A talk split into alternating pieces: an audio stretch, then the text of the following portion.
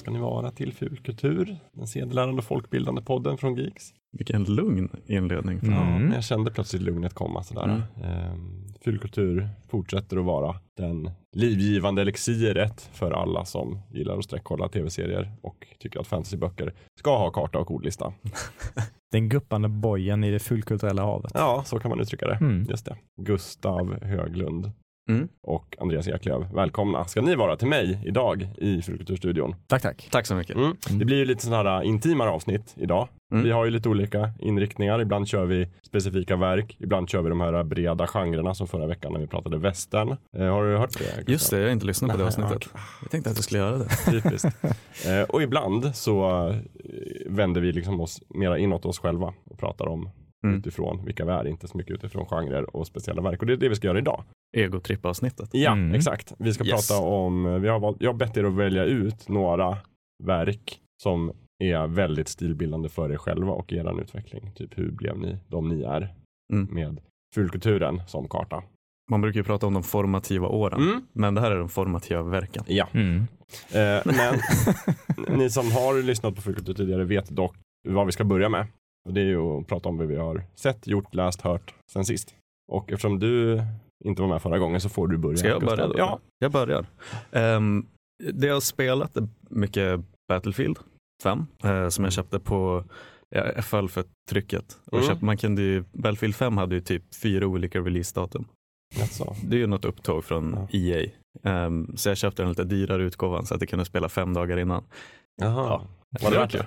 Ehm, mycket svettiga early adopters som är riktigt duktiga på spelet. Så Ja. att det, var, det var blodigt Mm. Men. Battlefield 5, är det det som är andra världskriget eller? Ja, precis. Just det, det, det som blev eh, hårt kritiserat där när det avtäcktes. För att det var lite, Det var inte 100% historiskt korrekt. nej, Ja, okej. inte riktigt. Ja, just det. Till skillnad Ehm, från alla andra Battlefield-spel. Vilket är synd för jag tror att det är många, jag tror att det är många Battlefield-fans som har lite blundat för den här titeln Mm. på grund av den första avteckningen. Mm. Och då missar de det som jag menar är den bästa multiplayern mm, typ eh, på flera år. Oj. Eh, Så jag har haft skitkul i det spelet. Ja. Ehm, Det är det jag har spelat. Sen har jag kollat, ehm, jag snöade in lite på spionspåret. Mm. Så jag har kollat på Tinker Tailor Solar Spy, Oh. Mm. eh, världens långsammaste film. Men vissa. Men skitbra, Mm. verkligen. Och vilken rollista. Oh. Den är Oh ja. helt fantastisk på något underligt vis. Jag vet inte hur Alfredsson klarar av att... Känns det en otippad film att samla en sån ensemble? Ja, verkligen. Mm. Alltså det är ju varenda jäkel i med den där Mm. filmen. Mm. Colin Firth, Tom Hardy, Gary Oldman, John Hurt, den gamla Oj, där. verkligen alla gamla. Alla gamla stjärnor. ja. Eh, nej men så, och så sen så läser jag också Legacy of Spice, eh, eh, Karriärs senaste bok Mhm. från 2017. Som handlar om Peter Gwillem som är med i den filmen också. Spelas Mm. av Benedict Cumberbatch, en till i den här rollistan. det. Sinnessjuk. Eh, så lite andra världskriget och lite kalla kriget på bok och filmfronten. Härligt. Jag Mm. försöker ju lobba för att vi ska göra ett kalla kriget avsnitt här någon gång i framtiden. Eh, hittills har jag fått noll respons på det idén. Ingen har ens kommenterat, ingen har liksom ens hånat idén utan bara total ignorans. Men det kan jag säga här i, i sändningen att det, det är jag med på. Utan problem. Jag tycker det är en sån spännande period så, Mm. och det finns spännande verk om det. Så det blir i alla fall du och jag då, Gustav. Ja verkligen. Ja, men både böcker och filmer och spel och Mm. hela Verkligen. faderullan. Verkligen. Va. mm. Ja, men det tar vi nästa år. Mm. Mm. Mm. Vad roligt då, men det var en hel del grejer du har hunnit med. Ja, men mycket krigbetonat Mm. av någon anledning. Mm. Det är ju så ibland. Eh, På tal om vilda västern så sträckkollade jag Godless, som jag antar Ja, att jag- Jocke jag- måste ha snackat om oh, ja. Ja, det har i absolut. avsnittet. Och jag håller på med den nu, jag är på Mm. avsnitt fem. Yes. Så inga spoilers. Nej, Men Den är väldigt spoilers. bra. den är bra. Mm. Du då Lövet? Eh, Jag har eh, mot bättre vetande spelat igenom eh, YS 8 för andra gången. Eh, Jag skulle bara starta upp det på Switch, eh, se hur, hur det skilde sig från vita versionen och sen var jag fast. Så spenderade en 67 timmar i det eller vad det var. mm. Är det här Men, eh, ytterligare ett sånt där långt JRPG? Ja, jajamän. Ja, okej. YS 8 The Lac- Lacrimose av Dana. Och för de som inte känner Lövet, han lyckas ju klämma in 60 timmar JRPG på ett dygn. Jag vet inte var du hittar de här extra, Hemligheten är att sova 4 till 5 timmar. mm. Eh, eh, Det går så- ändå inte ihop matten. Nej, Nej. matten går inte ihop, men det, det, lövet bryr sig inte. Jag tror att du har en sån här time turner som har i Harry Potter. Att du Mm. kan liksom gå tillbaka och köra samma timme åtta Och gånger. istället för att använda det till större saker så använder jag det till att spela JRPGs. Ja, precis. Du hade kunnat, du hade kunnat rädda världen, men nej, nej, nej. du Inte spelar riktigt. igenom YS8 igen. Ja, eh, så nu, nu har jag äntligen kommit tillbaka på banan med min backlog och börjat spela lite på eh, Marvel Spiderman. Oh. Eh, är väl bara några timmar in, Mm. eh, men har väldigt kul med det. Och sen har jag kollat på eh, eh, lite diverse serier. Eh, jag avslutade Gotham och har kollat på Buster Shrugs, den här ehm, Ah, Eh, Coen. Coen-produktionen. Mm. Eh, som lite ojämn, men jag gillade ändå helheten, framförallt sista, sista delen av den. Det är ju det, sex delar. Men det är, det är fortfarande det är presenterat som en film, men det är sex fristående berättelser. precis. Ja. Efter det, varandra. det skulle väl vara en miniserie Ah, från okej. början. Mm. Men sen ändrade de sig väl, jag tror typ i elfte timmen eller så. Bara, nej förresten, det är en film. Men vad fan klockar den in på då? Hur många timmar är det? Det vet jag inte. Jag, vet, jag tror avsnitten är väl nästan en timme. Ja, okej, Mm, med så det 50 är- minuter. För att, Så det är en lång, lång film. ja, så plus fem timmar Ja, alltså? okej. De bara vägrar ha eftertexter emellan. Ja. Okej, ja, det, det är lite rörigt. Men den är ju på Netflix också så där, och de Mm. leker ju med form Mm. ibland. så. Mm. Ja, väl värd att se tycker jag ändå. Du då Mm. Jakob? Härligt. Jag har ju haft några sjukdagar förra veckan så då hann jag faktiskt äntligen kolla Oh, shit. klart på Gettysburg. Till Jocke. Jag har inte berättat det för Jocke men jag tror att han kommer bli glad. För jag började ju kolla halva Mm. förra gången jag var sjuk för en månad sedan. Eh, och nu då hade jag, då är det fortfarande typ 2.30 kvar när man har sett halva. Eh, så nu har jag äntligen sett klart den. Det var en fantastisk film naturligtvis på många sätt.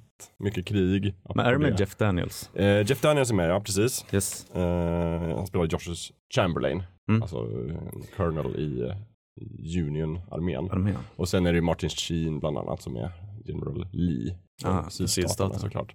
Och sen är det ungefär typ 8000 statister Mm. som är nästan det mest fantastiska. För att det är så här, de har hittat, alltså det finns ju så mycket sådana här inbördeskrigsklubbar i USA för de är så fascinerade av sin egen historia. Så Som har, har alltså ju- man behöver ingen ko- kostym. nej, de, jag tror inte ens de för en, att en alla har spänn på det. För alla har sina egna kostymer som de har gjort liksom minutiöst.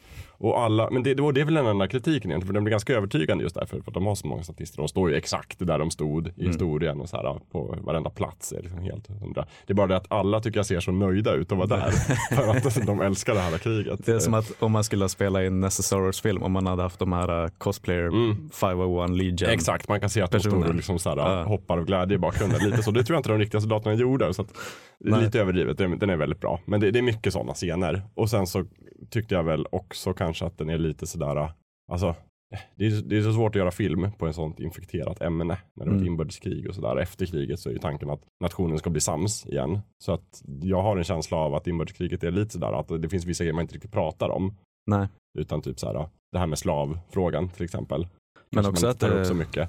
Och, Också att det är väldigt intressant, alltså, eh, aktuellt, Mm. att landet är ju väldigt splittrat. Ja, Mm, precis. som men, det är redan. Ja, och det vet jag inte hur det var 93 när den här filmen gjordes, men, men det har väl alltid liksom varit det. Så att det, jag tycker att det känns som att de går runt det väldigt mycket för att framställa båda sidorna som Ja, okej. extremt heroiska och väldigt, väldigt ädla. Mm. Och, och jag vet inte, det var säkert så till viss del. Men det är nästan så här, vissa scener blir bara så här, det enda de står och gör är att prata om hur otroligt fantastiska människor motståndarsidan är.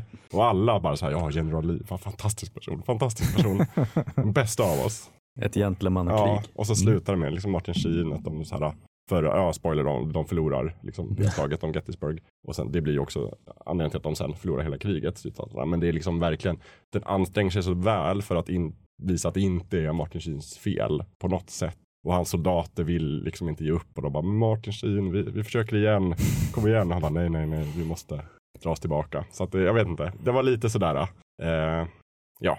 Ja, men lite väl kladdigt. Ja, lite väl kladdigt ibland. Men naturligtvis en jättebra film. Mm. Och episkt drama om krig. Det Många måste bra monologer också. Eh, tipsa förresten, du, du hade blivit tipsad av Jocke. Ja. För Jocke sa, skrev till mig också, åh, skaffa ett ljudsystem för 100 000 spänn och kolla på Gettysburg. Mm.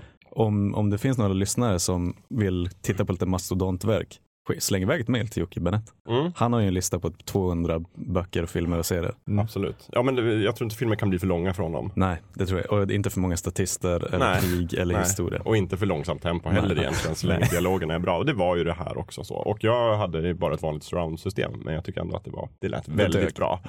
Krutet dundrade som det skulle. eh, det vill jag ha gjort. Jag har lyssnat ganska mycket på The Beatles också. Oj. Eftersom att det är 50-årsjubileum för The White Album som kom Mm. 1958, 1968. Så. Mm. Eh, den vita dubben som den kallas. De har ju remixat den nu då. Giles Martin, som är George Martins son, har fått äran att göra en ordentlig eh, remaster på den utifrån originalinspelningarna. Så den låter riktigt jävla bra faktiskt. Härligt. Mm. Någonting att lyssna på. Ja, verkligen Mm. någonting att lyssna på. Det är, också så här, det, var inte, det är inte riktigt lika stor skillnad som när de gjorde Sgt. Peppers förra året. Nej. För där var det, det, där var det ju verkligen så att, att alla som vet, vet att det man ska lyssna på som låter bra är ju mono-versionen. Mm. För att den är liksom mastrad av Beatles själva väldigt mycket och sådär. Sen brydde de sig inte om stereoversionen. Utan åkte på semester och någon praktikant fick göra det. Eh, Men här har han, där gjorde han ju liksom verkligen en stereo-master utifrån hur mono-mastern låter. Ah, okej. Och det har han väl gjort här också till viss del. Det är bara det inte riktigt lika stor skillnad. Men det är verkligen så här intressant hur, om man jämför, hur, hur modernt den kan låta liksom när det är 50 år gammalt album. Verkligen en cool, coolt album. Inte det bästa såklart. För det bästa här. Ja, det beror på från dag till dag. Men jag brukar säga Abbey Road när folk frågar. Ja. Det känns som att White Album är ett sånt där album som alla som ska försöka vara lite tuffa säger att det är deras favorit. Ja, när man om- inte vill vara mainstream. Men precis, om man är mainstream så säger man eh, Sgt. Peppers då. Mm. Och så om man ska vara Jakob så säger man Abbey Road bara för att vara ytterligare lite speciell. Eller, eller Revolver är bra också, jag vet inte. Alla är bra. Man kan inte gå fel. Beatles är bra. Beatles är bra. Mm. Så är det. Det är det jag har gjort. Mm. Eh, ska vi gå till ämnet? Ja. Det tycker jag. Jag har bett er att välja ut. Jag bad er välja tre. Och sen finns det kanske utrymme för lite bubblare. Precis, jag har ett wildcard. Och så finns det ett wildcard naturligtvis. Det kan alltid vara någon som kommer in och bryter reglerna redan från början. Vad är wildcardet då? Är det, Nej, är det bara ett extra? på. Ja okej, ja, ja, ja, det Ja, är men det är för att det är tre stycken jag är bensäker på. Jag Sen finns det förstår. ett fjärde som är lite provokativt. Kanske. Okej, ja, det Så vi låter... kommer börja slåss alltså? Men ack så viktigt. Eh, Min ringa ålder och åldersskillnaden till er två. Mm. Jag kanske ställer lite metafrågor mellan varven. Det är okej, det, är- Ja. det är därför du är här. Alltså, vi vi hoppas på det. Såklart. Nice. Eh, Men jag har inte något speciellt upplägg där avsnittet. Jag bara tänkte att vi, liksom, vi kör i turordning. Och sen får man välja själv om man vill gå kronologiskt eller utifrån vikt eller genremässigt eller hur man vill dela upp er. Men jag hoppas i alla fall att ni har tagit med er några härliga verk som vi kan prata lite om. Mm. Eh, Och eftersom du är näst äldst, Andreas, så Mm. tänkte jag att du kunde få börja. Den logiken är fel. Ja, men jag är ju äldst, men jag kan ju inte börja. Nähä? Jag är ju programledare. Jaha, Hur skulle du det se tänker ut? så. Mm. Ja, ja, ja. Och Gustav fick börja sist och då tänkte jag att Precis. då är det din tur. Ja, någon ordning får det vara. Mm. Eh, ja, jag har ju valt ut tre eh, och jag tänkte väl att jag kanske börjar med det som eh, kronologiskt är längst tillbaks i tiden. Eh, och det är filmen Transformers the Movie Oj! från 1986. Mm. Jag trodde att det var Michael Bay där. Nej, fy fan. Eller ja, första Michael Bay-filmen är helt okej, sen går det ut för. Ja, men jag tänkte att jag hade missuppfattat dig totalt. Just det, var roligt om den hade varit så här, format i Eklöv. Det tidigaste han kan komma på. Så är liksom att, Jag formade sent. Eh, nej, det är ju eh, den, eh, den tecknade Mm. Transformers-filmen från 86 Mm. med bland annat röster från Orson Welles och Leonard, Leonard Nimoy. Mm. Det är ju en fantastisk film på alla sätt och vis, men det, jag valde ut den som en formande film för att det är ett av de tidigaste verken som jag kan komma ihåg som där, där man kunde börja skönja att jag skulle bli något av en, en nörd. Mm. Så in, innan det, jag gill- gillade tecknat och läste serietidningar och lite sånt där. Men jag var inte riktigt besatt av någonting. Men med Transformers-filmen, jag kommer inte ihåg exakt hur gammal jag var när jag såg den första gången. Mm. Men det, det, det är första gången jag kan komma ihåg som efter att ha sett någon, så, någonting så har jag liksom förlorat mig i det och blivit besatt. Och, så här, jag köpte Transformers-figurer, jag, jag började titta på tv-serien när den Mm. gick på Sky One, eh, kommer jag ihåg när jag hade parabol-tv. Eh, och, och tittade på, jag tittade på filmen så mycket så jag nötte ut VHSen. Eh, så att den eh, började få så här, visuella artefakter under uppspelningen. Och liksom all, allting i den filmen, från, från det tecknade till röstskådespeleriet till musiken, eh, allting är ju helt fantastiskt. Men får jag fråga, för du sa ju det här att Orson Welles och Leonard Nimoy, det är ju härliga namn att droppa Ja. Mm. nu. Men på den tiden var du golvad då också för att oh, Orson Welles, Jag såg du Citizen den, till att Kane. börja med, såg du den på engelska eller såg du en svensk dubbning? Eh, jag, jag vill minnas att jag såg den svenska först Ja. och Mm. såg den engelska sen. Men även när jag såg den engelska första gången så var jag för liten för att riktigt förstå storheten i Orson Welles och Mm. mm. Leonard Nimoy. Ehm, Och Orson Welles hade också tror jag svårigheter att förstå storheten med Transformers. Ja, Efter vad det sägs vid inspelningen. Det här var ju hans absolut sista roll för Ja. övrigt. Så sen Oj. dog han ju. Så, att, mm, så hans sista roll var som planetätaren Unicron. mm. inte vad han hade tänkt sig tror jag. Nej, kanske inte. Tror inte heller. Nej men jag vill inte sätta dit dig, alltså, men det är ju bara kul att man kan gå tillbaka och titta på sådana formande verk Mm. och hitta andra, liksom, fan vad ballt att Orson Welles är med i det här. Mm. Mm. Det tänkte man ju inte på då. Nej, alltså att, att Leonard Nimoy gjorde den rollen tyckte jag var väldigt häftigt först många år senare, kanske i tonåren eller sånt. Eh, titta tillbaks på den filmen och bara, den gillar jag. Jag bara, Just det, det var Leonard Nimoy. Det, det hade jag inte ens reflekterat över när jag var liten. Eh, och det gjorde ju bara filmen ännu häftigare. Att det var dels Orson Welles som inte fanns längre och Leonard Nimoy som var så Star Trek. Jag visste jag är ingen trekkie men det är ändå tufft att Mm. Spock eh, var med i, eh, Star, i eh, Transformers. Och, eh, och, och det, ja, det blev lite, lite som min grej på skolan. Att jag var Transformers-nörden. Ja. Eh, och och, och det, det var nog första gången jag, jag liksom fick en, en slags nördidentitet Mm. på något sätt genom den Men Transformers-filmen. hade det någon sorts positiv eller negativ konnotation då på den tiden? Att du var det på skolan? Liksom. Ehm, det, positiv kan jag nog inte säga att det var. Ehm, Men det var inte som i sådär, åh där går den där Transformers. Transformers-nördar. Mm. Nej, nej, utan det var Vad mer förvandlar du då? Bli en bil. ja, ät en planet då. Eh, nej, eh, nej det, det, det var ju inget, det var mer så att eh, det var det, en, en karaktärsegenskap som Ja. blev associerad med mig. Sen så att, att man var nörd, då blev man ju lite outsider på den tiden. Mm. Eh, så det var ju ingen positiv egenskap. Men just Transformers-delen, Mm. det var inget, inget negativt Ja, i just sig, det, skulle jag inte säga. Men för du hade inte sett liksom, tv-serien innan heller då? Så. Nej. Så, för att jag tror för många fans, för mig i alla fall, men jag är ju något år äldre än dig, Mm. två år kanske till och med. Så jag hade sett, för det här, filmen kom ju efter de två första säsongerna. Mm. Eh, sen fortsatte de med två säsonger till. Men just för mig som hade sett några avsnitt av tv-serien på min kompis VHS och sådär, så var det ett sånt stort hopp till filmen, för den var så otroligt mycket roare och mörkare Mm. och mer dramatisk och påkostad. Så var liksom allt var bättre, bättre animation, bättre ljud, eh, mycket som sagt eh, tuffare action. Nästan alla gamla liksom, robotar dog och det var, det var verkligen upprensning. Det var mycket, mycket, mycket mer humor i tv-serien också. Ja. Men har man, alltså 90-talister, det känns som att jag är för sent ute för Transformers. Ja. Jag har det ingen relation till det. Nej, jag tror det är verkligen för barn av 80-talet. Ja. Så Mm. vi har gjort ett helt avsnitt om Transformers också. Det kan har vi tipsa lyssnaren om. Eh, Mm. som du och jag eh, styrde. När vi besökte Retcon nere i eh, Helsingborg. Mm, precis, och intervjuar en del eh, samlare också. Sådär. Och vi Mm. pratar ju jättemycket om att göra någon sorts uppföljning på det också. Det Det finns en, en liten men väldigt trogen skara Transformers-fans där ute som lyssnar på Fulkultur. Så det är jättehärligt. Oh ja. Och eh, vi kommer hitta på något mer där också. Mm. Men alltså, för att säga att det här var kronologiskt första när du kände att du riktigt snöade in och blev nörd av ett område eller en genre eller ett Mm. verk på något sätt. Hur var det innan det där? Var du allmänt intresserad av allt Alltså, som hade jag med... spelade spel, eh, jag läste serietidningar och tittade på film och så. Men, men jag kan inte minnas att jag blev upphängd på någonting eh, specifikt så intensivt eh, som jag blev med Transformers efter den filmen. Och bara för kontext, hur gammal är du nu? Nu, eh, jag är född, jag är 82, så, Så eh, då, eller alltså då? Eh, När då? Ja. Eh, Jag kommer inte ihåg exakt när jag såg filmen, men jag, jag var inte jättegammal. Jag kan ha varit en 6-7 kanske? Mm. Så vi snackar låg mellanstadie. Ja, liksom Mm. slutet av 80-talet någonstans där.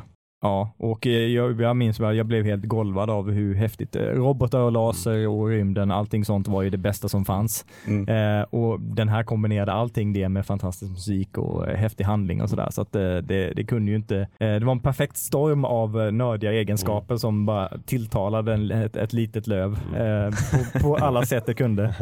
och, och rent objektivt tror jag, även om man inte är intresserad av Transformers som sådan, så tycker jag man kan se den bara som en stilstudie i 80-talskultur. Just Mm. Både liksom science fiction-elementen, datorerna, vapnen, alltihopa bara skriker 80-tal. Mm. Det är så här väldigt stora datorer med små terminaler och mycket sånt. Rymdskeppen och alltihopa är 80-tal. Och musiken inte minst. Temalåten av Lion va? Ja, precis. Eh, som har gjort, ja, du med sin cover av, av eh, temat. Ja, och precis, sen Stan. Bush Bush. som gör någon sån där riktig pudelrocks version av the touch. Ja. Sådär. Så det är jättehärlig musik. Mm. Uh, Weird Al Yankovic är också med, gör en låt. Just det. Ja. Och Eric Idle är också en av rösterna. Ja, det är Ja, fantastiskt. det är fantastiskt. Fantastisk film. Ja, på alla sätt. Det kanske borde doppa lite mer i eh, Transformers-träsket. Ja, Mm. men kolla den i alla fall. Den, är Ja. faktiskt, den står bra på egna ben också. Du kan låna både Blu-rayn av filmen och eh, DVDn av tv-serien av mig. Kan du plöja igenom. Det vill, vill jag säga sen. Mm. Kanske. Har du något lite nyare verk då att bidra med Gustav?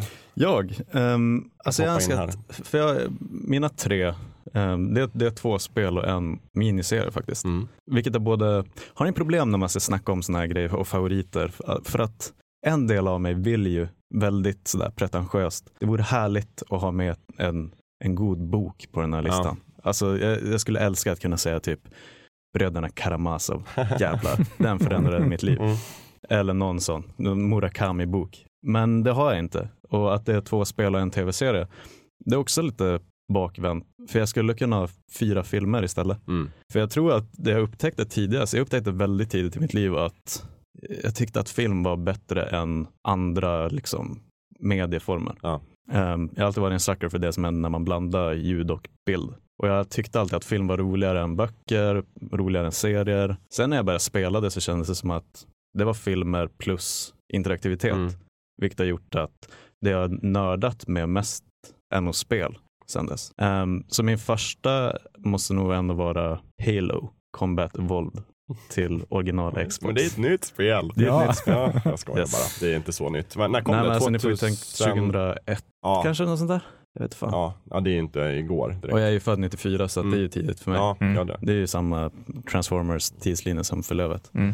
Ehm, och egentligen så är uh, Monster Chief en av de ballaste karaktärerna någonsin. Ehm, och, men det är mycket att det är, en, det är en dörröppnare för att utan Halo hade jag inte haft Xbox och utan Xbox hade jag inte haft ett Xbox 360 Mm. och det ledde mig in på Xbox Live och multiplayer-spelande Oj.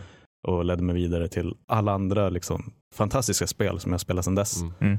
Ehm, så det är på något sätt där det börjar och det finns så många minnen och LAN och massa sånt. Åka hem efter skolan och spela co-op, eh, single player-kampanjen med min kompis Nils. Mm. Mm. Som jag var och såg, ni som minns Sagan om ringen avsnittet. Ja, just det. Han som såg den lite Ja. efter dig. Han som såg den lite efter mig, Ja. precis. Så jag och Nils brukar åka hem på tisdagar för slutar vi lite tidigare. Mm. Och så spelar vi co-op campaign i Halo.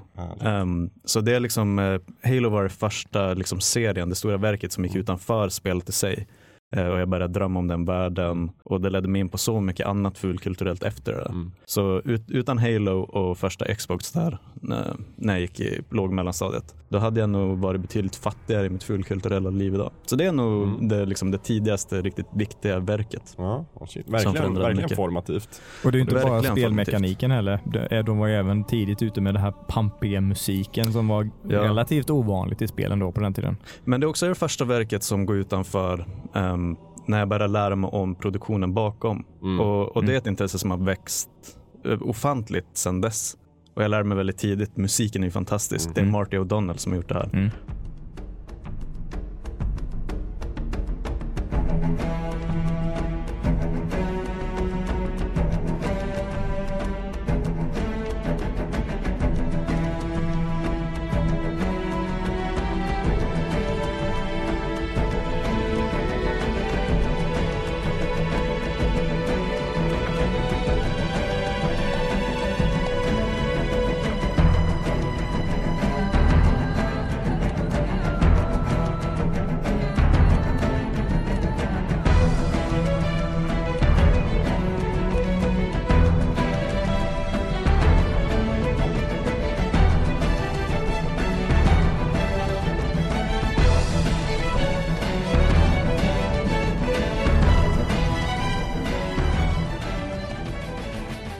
Också namnen på producenterna på, på Bungie. Och liksom snöade mig väldigt mycket. De hade otroliga såna här behind the scenes eh, dokumentärer Mm. på special editions på både Halo 2 och 3. Eh, flera timmar långa. Väldigt så här eh, Steven Spielberg, Sagan om ringen-aktiga behind the scenes. Ehm, som jag kollade på supermycket. Så mitt intresse för spelindustrin föddes också med Halo. Mm. Så det har betytt otroligt mycket på det sättet. Alltså långt mycket mer än spelet i sig. Och därför är det med på min lista. Mm. För mig är ju Halo alltid lite sådär, öm tå på sätt och vis. Okej. Eftersom att du känner säkert till historien, men det skulle ju från början vara liksom ett stort eh, Mac-spel. Ja. Eftersom Bungie var liksom en, en erkänd Mac-utvecklare. Var ett av de få stora företag som verkligen gjorde spel till Mac. Som gjorde bland annat Pathways to Darkness och Marathon-serien som jag spelade. Ja, de hade de här Minotaur och Exakt. Du- Durandal. Ja. Det introduceras ju till och med under en, eh, var det Macworld? Ja, det var Macworld och det var Ja. Steve Jobs själv Mm. som presenterade liksom den första Halo-trailern. Som att så här, där, kolla vad vi kan göra på Mac. Kolla Mm. vilket fett spel som Mm. kommer. Och det såg ju helt magiskt ut. Och sen gick liksom ärkefienden Microsoft in och köpte. Bungie och bara så här, vad sägs om att ni gör det här till vår nya Xbox-konsol istället? Mm. Så att eh, hade i en sån här sliding doors-värld där det inte hade hänt så kanske du hade varit en Mac-gamer idag. Kanske. Vem vet? Eller läst mer böcker. Ja. Jag vet. Då hade jag, läst, jag hade läst Bröderna Karamazov Ja, om precis. inte Bill Gates hade det kommit här i vägen. istället. Ja. Fy fan. Nej, det är härligt. Jag vet inte, idag så är väl, det är väl inget att vara ledsen för idag liksom. Så Mac mår ju bra också. Mm. Och eh, Xbox blev ju ändå en, en ganska spännande konsol. Det blev det. Och de Mm. etablerade ju också hur FPS ska kontrolleras på en konsol. Ja, och det känns som att det blev en annan, alltså för de som är äldre än vad jag är minns jag att uh, Goldeneye 64 var ju någon typ av gyllene standard. Det och Mm. Perfect Dark på till Nintendo 64. Det var ju så här, shit, FPS funkar ju på konsol också. Mm. Sen var det som att folk glömde bort det när Halo släpptes. Och så var man på nytt att shit, Mm. FPS funkar ju på konsol. Aha. Mm. Och de, de har väl tappat lite det där, den liksom glittriga auran kring Mm. Halo. Men när det släpptes, var det där konceptet med killer apps föddes eller fanns det långt tidigare? Oh, nej men det fanns tidigare. Det fanns Mm. långt tidigare. Ja. För det var ju, de pratade ju om Halo som en killer app. Mm. Jag tror ända långt, så långt tillbaka som när PC Junior släpptes 1984 så kom ju Åh, Kings fan, Quest en 1 killer app. till den och var verkligen en killer app eftersom Mm. att den liksom verkligen drev försäljningen av dessa datorer Mm. med sin fantastiska 3D-grafik. Nästan alla konsoler har ju haft sin egen killer app. Ja. Ja. sen har det väl gått lite troll i begreppet så. Mm. Liksom, det har väl mera kommit att betyda bara så här alla måste ha ett, ett starkt exklusiv titel. Mm. Mm. Men just det här spelet som verkligen kränger konsoler och hårdvara, det är ju, eh, har ju verkligen Halo gjort. Mm. Så att, klart imponerande. Om man vill ge sig in i Halo-världen idag, Ja. måste man köpa en gammal Xbox då eller hur går det tillväga? Det finns ju någon remaster. Nej. Det måste man inte. Jag tror att man kan, man kan hitta rätt lätt att spela Halo 1 på PC. Um, vilket jag tror är rätt mysigt. Mm. Sen funkar det såklart, har man ett gammalt Xbox Mm. så har man ju förmodligen Halo på någon typ av sån här release-CD någonstans. I en Mm. liten sån vit eh, pappersficka. Ja, Ehm, men annars så finns det ju, alltså det, det där universumet exploderar ju stort och det släpptes så många noveller och böcker. Mm. Så alltså ni som är i Stockholm framförallt, spring ner till sci-fi bokhandeln så finns nog alla, alla böcker att Mm. köpa också. Och eh, den här Anniversary Collection till eh, Xbox One eh, kan man ju spela för att få Ja, uppleva ettan och tvåan, är det inte trean också? Va? Jo, det är det trean trean också. också? Monster Ja. Chief Collection. Mm. Eh, som shit vad buggigt det var på release. Ja, oh ja. Men jag tror de har löst det vid det här laget. Ehm, men sen vet jag inte om det är så här, eh, jag tror inte att det är en superviktig spelserie att gå tillbaka till och upptäcka på det sättet. Nej. Ehm, nu, jag sitter ju nu och mellan varven så spelar jag ju första Half-Life för FZ och streamar det. Just. Det känns som ett viktigt verk att gå tillbaka till och upptäcka. På samma sätt som att det kan vara kul att kolla på typ Seinfeld för att fatta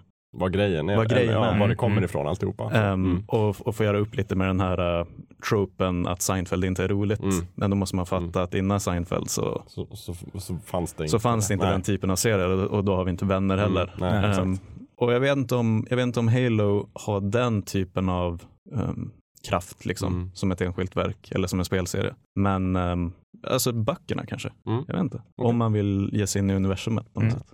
Härligt, härligt. Lite spel också. Det är alltid kul när vi får in lite spel i Mm. Frukotur. Ja. Jakob då? Ja, nu är det dags för mitt första. Jag, Wow. jag gör som ni då och, och försöker gå tillbaka till liksom det när jag var som yngst, som var formativt. Och eh, det var kanske i samma ålder som er, kanske typ 6-7 år Mm. sådär. Och då, jag minns ju detta som en guldålder i Sverige, eftersom att på den tiden så fanns det fortfarande i bokhandlarna hela väggar fulla med seriealbum. Mm. Det finns ju inte idag. Eh, Men på den tiden, i alla fall på Akademinbokhandeln i Östersund, så fanns det liksom en hel vägg med bara dessa seriealbum som är liksom stora, typ större än A4-format med mjuka pärmar. Ni vet Lucky Luke Mm, och mm. eh, Tintin. Ja, Spirou. Och de Spiro, här. det var just Spiro jag skulle komma till. Oj, För jag hade ju liksom haft Tintin några år redan. Jag fick det redan ganska tidigt i födelsedagspresent. Så jag hade Mm. läst alla Tintin. Tyckte väldigt mycket om Tintin. Lyssnade på Tintin ljudbanden, kassettband då med Thomas Bolme som Tintin. Fantastiska berättelser och sådär. Men, men Tintin är ju alltid lite, lite slött. Alltså det är inte liksom Den är ju väldigt festlig och fantastisk på sitt Mm. sätt. Men det är inte en superfartig. Och i det vakuumet då så kom Spirou som var en mycket fartigare europeisk serie. Eller fransk-belgisk serie som körde liksom en annan, lite mera lösa streck och sådär. Man pratar om, liksom, med Tintin pratar man om den, här, den klara linjen. Det skulle vara väldigt liksom, tydliga gränser i tecknandet mellan okej. liksom, bakgrunder och eh, det var väldigt mycket liksom, eh, ytor Mm. med, fyllda med färg och sådär. Lite som klippart Ja. design nästan så, Mm. men som en konststil, väldigt fint. Medans eh, Spirou körde mera den, jag tror den heter den fria linjen eller sånt där. Det var mycket mer yvigare streck och sådär, vilket gjorde att teckningarna var lite mer dynamiska. Mm. Och sådär. Särskilt när eh, Frank Queen, som jag tror att uttalas fast jag vet inte, gjorde det. Han var ju inte den som skapade Spirou, men han var ju den som gjorde de bästa albumen och Mm. har liksom skapat nästan alla viktiga sidokaraktärer och liksom byggt ut universumet, lite som Carl Barks gjorde för Kalanka. Marsupilami är en av hans skapelser. Äh, Frank Queen har skapat Marsupilami till exempel, som ju sen fick en spin-off. Både i liksom egna seriealbum och typ Disney köpte upp karaktärerna och gjorde en, en ganska dålig eh, tecknad serie. Så Disney Afternoon-serie med den, där man kom med en gorilla. Men släppte mycket annat. Men däremot så, så gjorde Frank Queen de här seriealbumen i Marsupilami. I alla fall den första, för nu är han ju tyvärr död. Men Vem är det som har gjort uh, Spiro i Moskva? Spiro Moskva, ja, eh, det är en annan duo. För att när Frank Queen tröttnade på Spiro efter ett tag Okej. han skapade liksom alla de här, men Marsupilami, Ekorrens Pip var han nog inte med och skapade, men hade den väldigt mycket i alla fall. Och liksom, eh, Greve de Champignac och alla de här, eh, eh, Safir för guds skull, alla dessa. Eh, men sen tröttnade han ju på Spiro och ville hellre jobba med en annan karaktär som heter Gaston. Som han också Ja, hade skapat. Ja. Kalabalik på kontoret, Gaston, också Mm. fantastisk. Eh, och då började de jaga efter nya tecknare, så det var en som heter Fournier till exempel, som gjort en del helt hyfsade album. Mm. Men en riktig nytändning fick de inte förrän slutet på 80-talet, eller runt 80-talet någon gång, när Tome and Janry, som var en duo, började. Och där, de har gjort Spiro i Moskva. Eh, och de jobbade ju väldigt mycket i liksom Frank Quins anda. De använde mycket så här tog upp mycket gamla trådar som han hade lämnat liggande, eh, återvände till mycket av karaktärerna och liksom var väldigt besatt av liksom Spiro-historien Mm. på ett sätt som kanske andra inte hade varit. Eh, för länge fick också de tecknarna som kom efter Frank fick inte liksom använda till exempel Marsupilami och sådär. Ja, okej. Eh, så Bara det lite var- rättighetstjafs? Ja, precis. Just det. Ja. Och, sådär. och det, det gjorde inte, Tom och January använde inte heller Marsupilami, men däremot så här, Greven till exempel kom ju tillbaka och, Mm. sådär. Han är med i eh, Spiro på Sydpolen tror jag det är. eh, Virusmysteriet som det heter, där de är på Sydpolen. Och Spiro i Söderhavet som också är ett litet mästerverk faktiskt. Man hade ju kunnat, mycket med Spirou och, och Tintin som sagt. Om man blankar bort Spirou och Tintin ur Mm. titeln skulle man ju kunna göra ett quiz och försöka placera in om det är Tintin Ja. i Söderhavet eller. Exakt. De är väldigt lika på det ja, sättet. Jo men verkligen. Eh, men, men för mig i alla fall just att jag liksom, dels var det väl hela liksom serieformen som tilltalade mig väldigt mycket. Särskilt i den här albumversionen för att det var så påkostat på något sätt. Jag menar det fanns ju de här kalanka tidningarna och sånt som kom varje vecka och sådär. Mm. Men det lever ju kvar någonstans att det är ganska så här billig kultur och liksom billigt sätt att det är liksom det är billig kvalitet också på tidningarna och liksom de går sönder och de, man, de har man liksom på, inne på toaletten i sommarstugan till slut liksom om man sitter och läser dem och sådär. Mm. Medan de här seriealbumen det var så uppenbart att det var böcker på något sätt. Och de kostade mycket också så man kunde inte köpa liksom hur många som helst. Men man fick liksom samla på sig dem. Man kunde vara med i Tintins äventyrsklubb och få de här en gång i månaden. Mm. Eh, fantastiskt. Så därifrån var det. Men just, just att Spiro var jag bara gillade hela liksom tonen i den. Lite så här äventyr fast lättsamt. Mycket humor och visuellt liksom ganska slående. Men för jag vill minnas att, eh, för anledningen till att jag frågade om Spirou i Moskva, Mm. för den är hemma, jag tror det var min brorsa någon gång där på 80-90-talet som Ja. köpte den. Eh, otroligt välläst och den Mm. vill jag minnas var väldigt så här vuxen för Mm. liksom storyn i den är väl typ att de ska byta ut Lenins Ja, det. Liamins mumifierade lik. och. KGB och Ja. ena handen och det är mycket du vet så här, Ja, organiserad Mm. brottslighet, alltså väldigt vuxna teman. Ja. Mm. Eh, och det är lite Tom and Janry som tog upp den tråden. De gjorde det nog Mm. lite mer vuxet. Det var inte liksom barnförbjudet på något sätt, men det var Nej. lite mera så här, lite mera riktiga vapen och lite mera liksom eh, ja men klassisk äventyrsfilm Mm. av det. Och sen det fulländades ju i deras sista album som heter Drömfabriken på svenska. Det som är verkligen en, en liksom ändring i tonen jämfört med de andra albumen. Med den råare. Ja, mycket så här liksom, eh, det är inte en psykologisk thriller på något sätt, men det är mörkt och det är liksom väldigt så här avancerad story och det är liksom, eh, jag ska inte spoila allt för mycket, men liksom det är hemliga experiment och det är liksom eh, myndighetsorgan som jagar med motorcyklar och det är liksom, det är Mm. action och det är verkligen, det är, en, det är ett riktigt bra album. Sen efter det så, så slutade ju de också. och började göra Unge Spiro istället som en spin-off. Och då, nu har ju Spiro facklan gått vidare till lite andra kreatörer. Jag är inte så imponerad av det de har gjort. Men, men det, det pågår fortfarande? Det pågår fortfarande, ja absolut. Men, eh, nu har inte jag läst just den, men om eh, många sådana verk som jag läste när jag var liten eh, så uppfattade jag inte riktigt det där mörka allvaret och så politiska mm. kommentarer och liknande på den tiden, men ändå uppskattade serien för vad den var. Mm. Och sen läser det i vuxen ålder så inser man exakt hur mycket av det där det faktiskt var som man inte uppfattade ja. på den tiden mm. och då blir det nästan ännu bättre. Mm. mm. Jo, nej, men i, många bra, även om det är liksom verk för unga och för barn så, så finns det ju mycket sådana här strån av vuxna grejer mm. som man sen kan upptäcka och det fyller ju ut berättelsen så det ger ju någon sorts substans även om man inte uppfattar det som barn, tänker mm. jag. Men måste, har du en imponerande Spiro-samling hemma nu? Eller? Inte så här superduper imponerande, för jag hade ju ganska många album som sen försvann mm. i så här tragiska tider, som tonårstiden och sådär, när man liksom inte bryr sig om det, så försvinner det och så har det legat på vinden i åtta år och sen så visar det sig att nej, det var bortlämnat eller det försvann och jag vet inte vart de är. Mm. Uh, men nu, så nu har jag köpt på mig en del på Tradera, sådär. Uh, så jag har väl alla liksom, i den svenska utgivningen. Uh, precis som Tintin och många andra sådana här seriealbum på svenska så har ju de svenska förlagen helt och hållet struntat i liksom, kronologi och sånt. De har ju bara gett ut dem liksom Lite hiphop. Lite hipp som happ. Mm. Så att, mm. försök inte läsa Tintin enligt den gamla ordningen, liksom, för den börjar ju med den mystiska stjärnan, som inte alls är det första albumet. Nej. Och det är samma sak med Spiro, liksom. den börjar ju mitt i och sen hoppar den kors och tvärs. Så Förmodligen har de gett ut det, liksom, det nya, senaste albumet då, mm. först. Och ja, sen okay. bara tagit gamla när de har tid och sådär. Men, men däremot så finns det ju ganska bra samlingar idag, där man kan få det kronologiskt och sådär. Men så en matig, inbunden, ja, en stor precis. jäkel. Jag tror Kobolt förlag, jag vet inte om de har gett ut Spiro, men jag tror det. Som är liksom, ja men tre eller fyra album i en hård mm. perm och sådär. Så eh, det, det, finns alla möjligheter att läsa Spiro om man vill. Mm. Spännande, det var ja. länge sedan alltså. Spiro är härlig. Mm. Ja, det var bra grejer. Mm. Både det och Marsipilami läste jag också. Ja. Mycket bra, mycket bra. Marsipilami som bor i Palombias djungler. Yes, ja, det var mitt första i alla fall. Mm. Ska vi ta ja, en paus höll jag på att säga, men det ska vi inte. Nej, vi går vidare direkt. Ingen pausfågel här. Nej, eh, nej om, om jag ska gå vidare till nästa kronologiska eh, liksom nördinsikt eh, får det nog vara eh, Super Metroid faktiskt. Mm. Eh, för det, det, är nog den, först, den första, det första titeln, det första spelet där jag kan känna igen mig själv som en eh, begynnande spelnörd. In, innan det jag hade spelat spel och, och uppskattat spel, men det var mer som eh, en casual gamer som trycker i ett spel för att fördriva tiden. Mm. Eh, och Super Metroid lyckades på något sätt eh, baka ihop mycket av det jag älskar med andra eh, formativa verk. Eh, jag har inte mm. nämnt Star Wars här idag för att det har ju stötts och blötts och är så vanligt. Det var ju ett formativt verk för mig, men eh, jag tänkte upp det här idag. Men Super Metroid lyckades ta in liksom det här äventyrskänslan och alla de här eh, exotiska utomjordingarna ja. eh, som, som finns i Star Wars-universumet.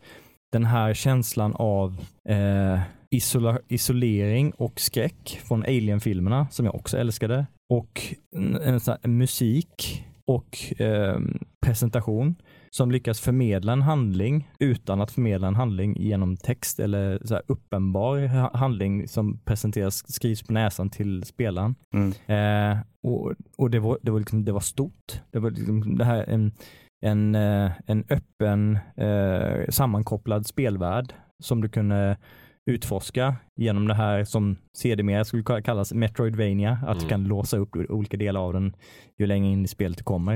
Eh, och, och liksom bara det här när, när, du, när du kommer gående i korridor och så ser du liket efter någon, eh, någon annan rymdjägare mm. som, som har ett gäng rymdlöss mm. som kalasar på honom och när du går i närheten så sprids, sprids de eh, för vinden. Rymdlös. det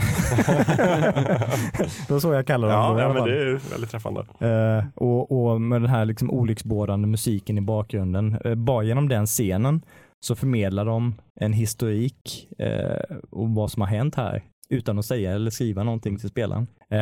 Och, och svåra bossar som på den tiden eh, jag och eh, liksom klasskompisarna eh, samarbetade och diskuterade strategier för hur man skulle kunna klara Ridley exempelvis. Och när man väl lyckades blev jag så jäkla excite eh, och överlycklig.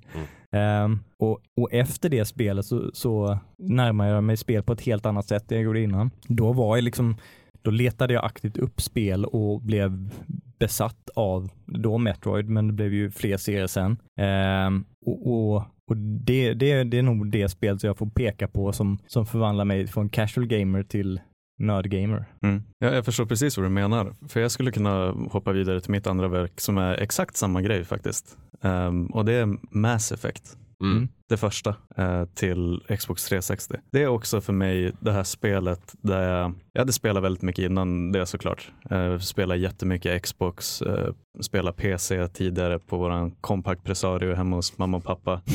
Um, lite så GTA 2 gamla spel som min brorsa Mm. satt och spelade. Um, men Mass Effect är för mig det första spelet där jag verkligen utan problem kunde säga att nu har jag ett favoritspel. Jag, Mm. vet, jag vet, jag hade kunnat göra mig av med allt annat och behålla det här. Då hade jag fortfarande klarat mig på något sätt. Um, och det som är mest talande för att det är så viktigt är att jag, blir, jag är så fantastiskt kritisk mot uppföljarna. Mm. Mass Effect 2 brukar ju av många ses som liksom bästa. seriens höjdpunkt, det Ja. bästa. Ehm, jag är inte ett så stort fan av det. Och jag vet att du, vet, du nämnde Star Wars tidigare. Mm.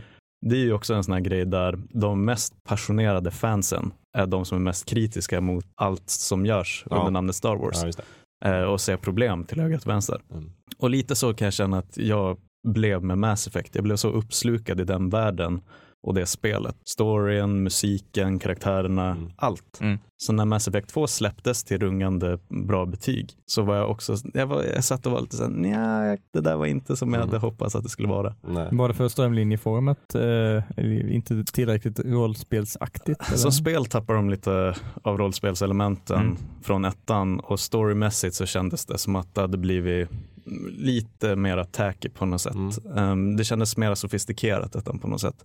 Um, men återigen, alltså, enda anledningen till att jag känner så starkt för uppföljarna är för att jag älskar ettan så pass mycket. Mm. Mm. Men det var verkligen det här spelet när um, jag slutade tänka på det som ett spel och mer som ett, ett annat universum som på många sätt var lika verkligt som du vet mitt vardagsrum Mm. på något sätt. Eh, och fortsatt var det otroligt viktigt um, sen dess. Men eh, med det sagt, liksom, jag var inte ett jättestort fan av tvåan. Jag tyckte slutet på trean var horribelt. Mass Effect Andromeda, nu det senaste, Mhm. skitspel. Mm. Um, men det är nog fortfarande min absoluta favoritserie någonsin. Ja. Mm. Spännande. Jag kan lite hålla med. Jag spelade det ganska sent. Det Mm. hade funnits ute några år. Egentligen liksom lyckades få tag på något jag kunde spela ettan på. Gillade det jätte, jättemycket. Jag hade lite problem med att det var så, alltså mekaniken, sådär inventory funkar och, och sådana där grejer. Men sen körde jag första och sen tvåan direkt och sen kom trean liksom. Mm. Så att jag spelade i samband där. Jag gillar nog också första bäst, bara vad gäller liksom, alltså tonen, hur de sätter, etablerar det här universumet och liksom liksom musiken, Eh, även om grafiken är äldre och, sämre så är den ju bättre tycker jag. Ja, jag tycker det, också den är mera, Men också lite grann det här i vilken, liksom, vilken stil är det i. Det är verkligen 80-tals sci-fi. Precis. Tvåan är mera 90-tals sci-fi. Mera liksom genetiska experiment och sådana saker. Ettan är verkligen så här stora episka strukturer i rymden och bara det här att man kan lägga till det här film grain effekten Mm. på över spelskärmen gör ju väldigt mycket för vad de vill att det här ska vara. Förmodligen det enda spelet när jag inte stänger av sådana effekter. Ja. Någon anledning. Jag vet inte, alltså jag, var, jag var så golvad av hela det universumet. På samma sätt som, ehm, jag vet inte, jag tror att jag var, jag måste ju lägga in någon sorts liksom brasklapp att Star Wars har ju såklart varit hela min barndom. Mm. Vi hade ettan, tvåan, fyran hela min uppväxt och vi hade trilogin, Mm. fyran, femman, sexan på, på VHS. Så jag har ju sett dem ofantligt många gånger. Ehm, men jag tror jag var för ung, jag växte liksom, jag föddes in i Star Wars. Mass Effect var det här universumet som jag kunde upptäcka Mm. en bit in i livet och bli helt golvad och Mm. försvinna in i. Um, som jag inte riktigt fick på Star Wars för det kändes så självklart Mm. och det fanns redan från födseln på något sätt. Det är klart att Star Wars existerar. Men när Mass Effect kom och bara golvade mig med alla, hela universumet så var jag helt tappad i flera år efteråt. Fortfarande är det. Mm. Och då blir det som, eh, jag kan tänka mig det blir för dig som för mig med Metroid eller Final Fantasy. Även Mm. om det kommer en, en riktig stinkare så finns ändå kärleken och hoppet. Ja Till men det är serien där. eller hur? Mm. Mm. De skulle ju kunna släppa tre spel till som är på Andromeda-nivå. Alltså ett riktigt kassaspel. Mm. Um, men jag hade fortfarande hållit Mass Effect högst, Ja. tror jag. Mm. Ja. Jag tror jag gillade inte heller Andromeda alls Nej. särskilt mycket. Jag tyckte det var väldigt mediokert. Men, men jag hade också så extremt höga förhoppningar på det. För jag hoppades verkligen att det skulle bli ett sånt. Alltså jag kommer in på Ja. det lite i mitt senare tips vad som är riktig sci-fi. Men jag hade hoppats att det skulle bli riktig sci-fi på samma sätt som ettan var det. Mm. Det blev en typ så här wow, utforska en helt ny galax. Ja. Eh, det var inte mycket av det. Nej, det var inte det. Det är lite Utforska mer innebar bara så här, gå till den här grejen, tryck på den här knappen och gör det åtta gånger. Så, nu har du utforskat planeten, grattis. Nej men jag tror att, för, alltså, för det finns ju alltid två sidor av det där att verken som man håller högst är också de som man är mest kritisk mot Mm. och hur folk behandlar det. Mm. Ehm, och jag, jag kommer ju undan i fallet Star Wars eftersom att jag är född på 90-talet Mm. och tyckte att podracing var tokhäftigt. Ja, du är ursäktad Ehm, för det. Ja. Så jag har, inget, jag har inget problem med George Lucas eller Episod 1, 2, 3.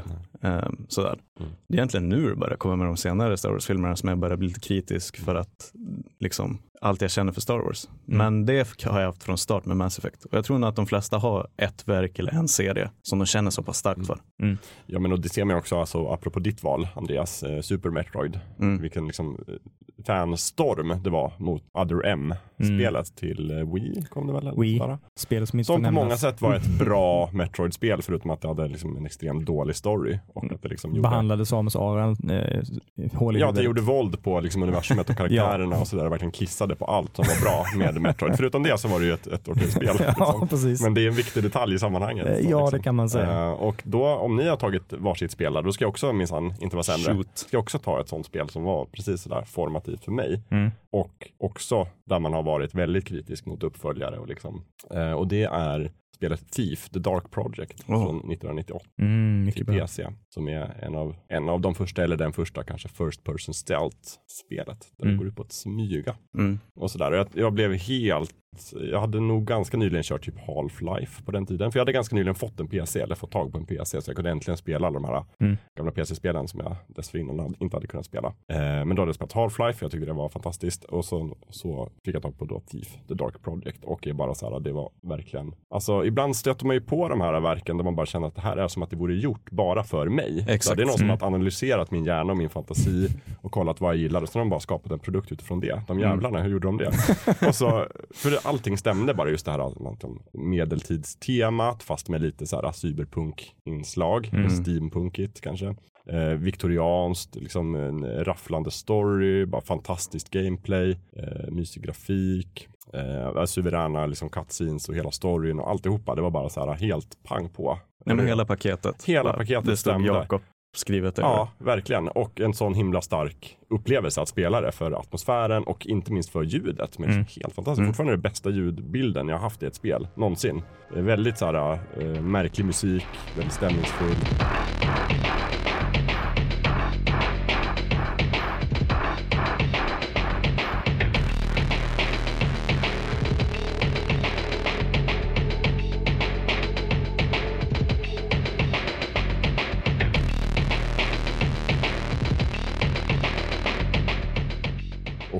Alla fiender, det går ju liksom ut på att man ska smyga in och göra inbrott i olika typer av byggnader. Mm. Stora liksom, eh, herrgårdar och slott och eh, gruvor och lite allt möjligt. Och det är zombies och det är spöken och det är vanliga vakter och liksom, det är så himla spännande. Och också jätteotäckt mot slutet. Jag tyckte verkligen, vad var jag, kanske 16-17 sådär. Jag tyckte det var Mm. superotäckt. För man var ju tvungen att spela det mitt på natten också. Ja, ja. Det var så hög, eh, vad heter det, gamma på det så man var tvungen att, man såg ingenting på skärmen om man hade ljus i rummet. Så man var tvungen att vänta tills det var mörkt och så släcka ner och spela. Då kommer de där jävla gastarna smygande. Eh, det, det- blir ganska okult mot slutet va? Ja, ja, gud ja. Mm. Och det är mycket, hela temat är mycket så här, liksom de gamla gudarna mot de nya gudarna, liksom ordning mot kaos och det är olika liksom sällskap som eh, står för olika sidor och så har vi de här The Keepers i mitten som ska försöka hålla balansen. Och så är man själv en före detta keeper. Så det är starka grejer. Mm. Jag hade en liknande upplevelse med Thief 2 faktiskt. Ja, jag, Eh. jag tycker Thief 2 är nästan lika bra. Ja, ja, det tyckte jag var helt fantastiskt. Mm. Då hade jag också en sån upplevelse där, där, där ljudet och presentationen och allting eh, lyckades suga in mig så att eh, fyra timmar han passera utan att jag ens hade märkt att det hade gått tio minuter. Mm. Mm. Eh, liksom jag skulle smyga upp för något, något klocktorn och skulle smyga in och skjuta någon med pilbåge genom Mm. fönstret. Och det hade väl gått fyra timmar, det var mitt i natten Mm. och jag, jag satt och trodde att jag hade suttit i tio minuter. Det Det, är verkligen, det är verkligen ett spel som inbjuder till att ta så lång tid eftersom Mm. att banorna är så himla öppna. Så att du, du har bara så här, men du ska in och stjäla den här grejen. Mm. Sen finns det massa andra skatter du kan ta om du har tid. Och det är verkligen så här, planera noga, kolla på kartan. Kartan är inte superdetaljerad. Nej. Så du får själv leta upp lite så här, där kan jag ta mig in och så hitta olika. Det var ja, superbra. Mm. Och Thief 2 var ju mera så här, det var ju mer av samma. Det var väl lite det den fick kritik för när det kom. Mm. Mm. Men för mig är ju mer av samma är ju jätte, jättebra. Oh ja. Jag tycker inte kanske storyn är riktigt lika bra, men eh, Ja, gudars skymning. Och sen gjorde de ju tyvärr då. Sen, ja men eh, Looking Glass gick ju i konkurs för att alla bra spelstudios läggs ju ner. Mm. De gjorde också System Shock 2 som också är helt fantastiskt. Fantastisk spelstudio. Mm. Och liksom, än idag ser man väl spåren av får rätta mig om jag har fel Gustav. Men här och där så finns det folk som har jobbat på Looking Glass. Med Mm, de olika- dyker upp lite här och där. Mm. Ehm, Bioshock-spelen är väl också liksom från den ådran. Ja, lite grann. Alltså, och de, är ju, de dyker upp som producenter Mm. och lite Chris Avalon från du vet Obsidian Fame. Han är en sån där person i branschen Mm. som förkroppsligar den typen av branschveteran. Ja, Mm. Som dyker in och skriver ett spel här och där och är lite konsult och Mm. sånt. Så de, de, de lever kvar på, på spridda håll och kanter. precis. Mm. Warren Spector som var, han var inte så involverad i Thief, men han gjorde ju de andra spelen på Looking Glass. Mm. Började jobba för Disney sen. Gjorde typ Epic Disney, Epic. Mickey-spelen. Right. Som är bra, men liksom en helt annan typ av spel. Idag vet jag inte vad han gör. Men så var det någon annan studio, om det var, kommer inte ihåg vad den hette, som gjorde ett Thief 3 i alla fall, som var ett totalt mediokert spel med samma story. Sen gjorde de typ Thief 4 som bara hette Thief. Ja, fast med, 20. med fyran som eh, i, i något promomaterial använder de fyran Ja, i, precis. Men sen i bestämde titeln. de sig för att nej, men det här är en reboot. Och så, det heter bara Thief. Mm. Och vi ska ändra allt som är bra också. Mm, vi ska göra det väldigt, väldigt intetsägande. Ja, vi ska också göra det för Playstation 3 så vi ska släppa allt det där avancerat gameplay. Det får inte vara för svårt för arkadkidsen. Det, nej, det är eh, tvivale, vedervärdigt spel. Mm. Konsolplebejerna förstör igen. Ja, det var faktiskt också, för det, var, det kom ganska strax efter att Thief 2, The Metal Age, hade släppts. Så Mm. la ju Looking Glass ner. Det vart, jag minns det, för då hade liksom, internet var ändå ganska nytt så, så att det hänga i liksom forum och sånt där var någonting som var ganska nytt för mig. Och då hängde jag ju liksom mycket i Looking Glass fanforumet. Så då Mm. var det väldigt så här, folk blev väldigt ledsna när det la ner, för nu betyder det att det kommer inte komma en liksom, utökad version av Thief 2, som det hade gjort med ettan, Thief 2 Gold. Mm. Och det kommer inte komma något Thief 3. Så då började det faktiskt köra ett så här fanprojekt om att vi ska skapa Thief 3 tillsammans. Så det kom, jag vet inte hur långt det kom, men det kom inte så långt kanske. Men vid ett kort ögonblick så skulle jag i alla fall vara involverad i det här projektet som typ ljudinspelare eller någonting Oj. för att hitta så här atmosfäriska Mm. stämningsljud. Ehm, Alltså jag ger mig fan på att en snabb googling så upptäcker du att det där projektet är fortfarande igång. ja, precis. Det var inte klart än. Men... Nej. De upptäckte att Ja. det här med att göra spel är ganska svårt. Förmodligen. Mm. Nej men alltså, men det är ju sant, det du säger och det som är eh, gemensamt för både Thief för dig, Mass Effect för mig och Metroid för dig, Mm. eh, Andreas, det är att det känns som att ett helt spelföretag tittade in i ens inre liksom Mm. Mm. och tänkte nu, nu ska vi fan skit i publiken. Nu gör vi ett spel bara för Gustav Ja, och Jakob Mm. och Andreas. Det träffar så bra. Mm. Alla liksom punkter, alla svaga punkter man har. Ja, men precis. Och är, och är det liksom en framgångsrik serie så träffar det ganska många sådana personer Ja, på det sättet. Precis. Och man inser att man är ju inte ensam i sitt Nej. sätt att tänka och, och känna. Mm. Där skulle jag nästan säga att Super Metroid gör det mer än Final Fantasy 7 som är en av mina andra giganter. För Final Fantasy 7 introducerade mig till en annan genre Mm. Och en slags historieberättande som jag inte visste om att jag skulle tilltalas om så mycket, men som jag blir helt fäst vid. Men Mm. Super Metroid, det var verkligen det så här checklistan av allting jag älskar någonsin i livet Mm. i ett spel. Eh, och det var helt makalöst. Får jag bolla en grej mer Ja. på tal om de här verken? För att Mass Effect för mig, jag jag låter så jävla bitter när jag pratar om Mass Effect. Ni måste ju förstå att i grund och botten så älskar jag det mer än allt Mm. annat i spelväg. Mm. Man Ehm, agar ju dem man älskar sägs det. Mm. Ja men precis. Ehm, ja, det finns inget värre än Mass Effect-fans.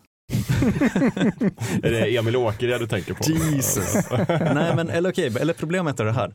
Jag tycker att det är extremt obekvämt att prata med andra som uppskattar Mass Effect om varför vi tycker om spelen. Mm. Och jag vet inte varför. Jag tycker att det, det är nästan lite obehagligt. Och hur gjorde du det här? Ja. Och varför tycker du att det här är bra? Mm. För att det känns så jävla personligt på något Mm. sätt. Det känns som att någon är inne och, och liksom vänsterprasslar med, Mm. med, min, med mitt spel. Men jag förstår verkligen vad du menar. Jag tror att det är lite en åldersgrej när man kom in i det. Sådär. Eh, För jag var extremt känslig med sådana grejer förut. Inte sånt, så mycket sånt jag upptäckte i senare ålder. Men just det här, ja men kanske med Thief sådär, att det är någonting man har upptäckt. Det är bara mitt någonstans mentalt. När andra börjar prata om det och vill liksom gräva i vad det är som är så bra, de, de förstör magin. Jag vill bara att de ska backa och hålla käften och lämna mig i Ja men eller hur, håll, håll käften. Ja. Och, eh, en grej, det blev så jävla tydligt för mig för jag ehm, var länge liksom inne i subredditen för Mass Effect. Ja, Sen mellan spelsläppen blev det, alltså det var så mycket dynga för det var folk som du vet cosplayade karaktärer och la upp comics som de hade gjort och det var så här små gulliga, eh, så här,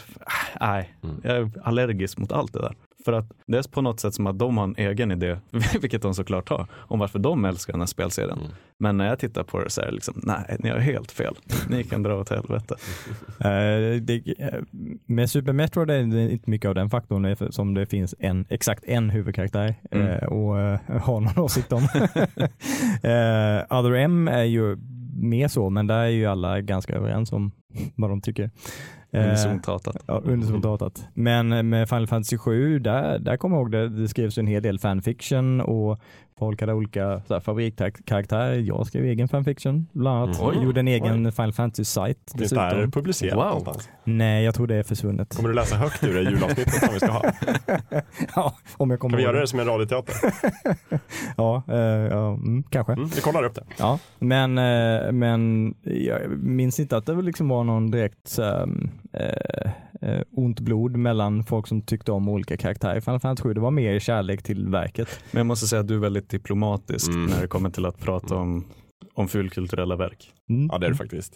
Eh, men för, för, det, ja, för mig handlar det nog inte så mycket om att de tycker olika än mig nödvändigvis. Nej, utan det är bara att jag heller. känner att de klampar in på ett område där vi var i fred. Ja, nej, det är nästan värre när de tycker likadant som en själv. Nej, nej håll borta från mina känslor om Mass Effect.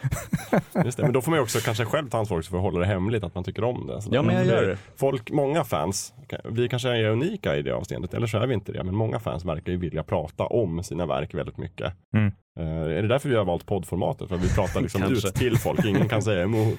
Envägskommunikation. Men det går att säga emot, för man kan kontakta oss nämligen Mm. med feedback och Ja. förslag. Och då kan man till exempel börja i, på Instagram, Fyllkulturpodden, Mm. och skriva där. Så kommer vi att läsa allt och eh, ge svar på tal sen. Oh ja. Ja, men framförallt, ja, alltså för all del. Hagla på mig med allt eh, varför jag har fel om det. här. Precis. Och ställ en massa frågor till Gustav också, vilka han romansade i spelet och sådär. Och, och du där ute som gillar Other M, du kan ju också höra av dig. Mm, Eller vi spelar det. eh, klockan går jättemycket och Ja, det är som fantastiskt samtal vi har. Men jag tänker ändå vi ska ta, ja, dra av sista rundan Mm. också med våra Mm. sista verk och sen ser vi vad, vad klockan säger, vad vi hinner med.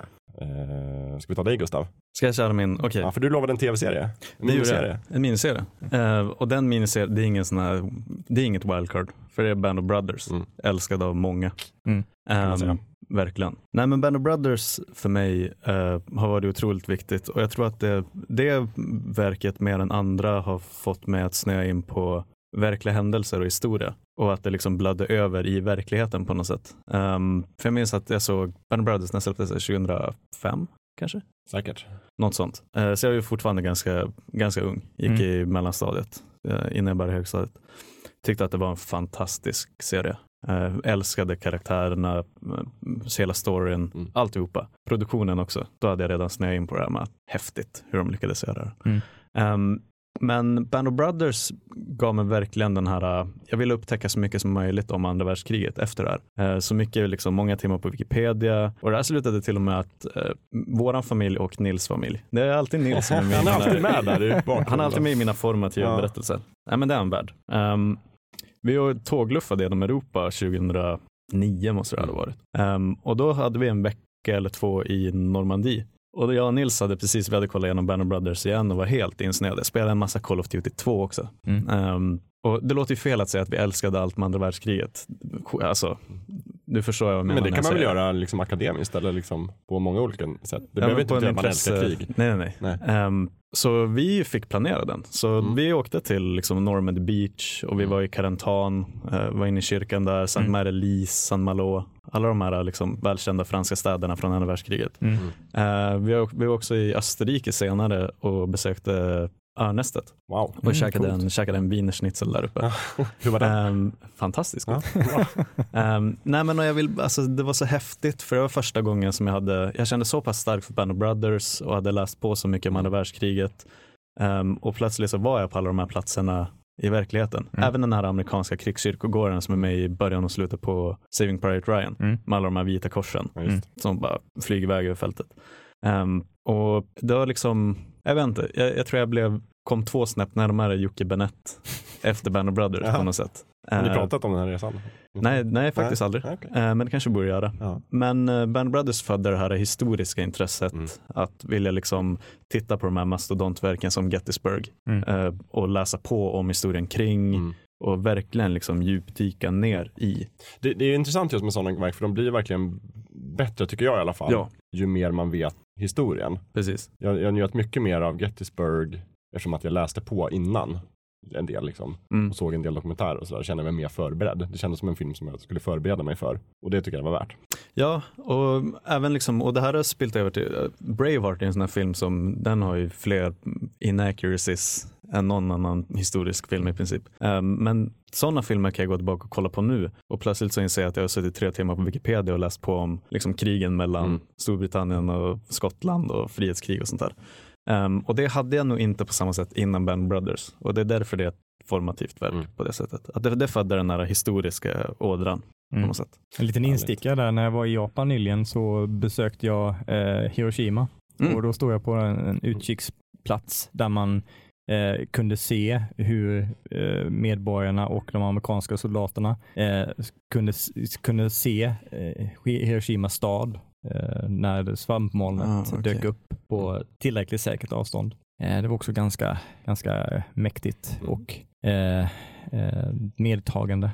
Men det är nog det där, ordet är nog mäktigt på något Mm. sätt. Mm. Att, att se någonting som är baserat på verkliga händelser och uppleva de verkliga platserna Mm. på något sätt. Jag fortfarande, alltså den resan till Normandie, ja, den formade mig också väldigt mycket. Mm. Bara att gå tillbaka till de platserna och titta på det. Och, ja, Jag menar, det är väl det som, som de här filmerna och tvna kan göra. Alltså för alla de som inte har tågluffat till Normandie eller åkt till Japan och tittat på Hiroshima. Så får man ju ändå någon form av upplevelse. Typ Ja. såhär, en, en känsla av så, så här var det. Mm. Vilket kan vara jätteanvändbart och jättestarkt. Och kanske en vilja att faktiskt uppleva det i verkliga livet också. Mm, ja, Genom och det, dem. det tror jag inte du är ensam om Gustav, att känna det efter, efter Band of Brothers. Att så här, jag vill veta mer. Mm. Eh, Så att, bra, bra gärning kulturellt av Mm. dem. Definitivt. Mm. Vad har du eh, i bakfickan då, Andreas? Sista? Eh, ja, min sista, jag har varit lite splittad mellan om jag skulle, för det kommer vara eh, serietidning eh, det handlar om. Och jag var lite splittrad om jag skulle välja eh, Spiderman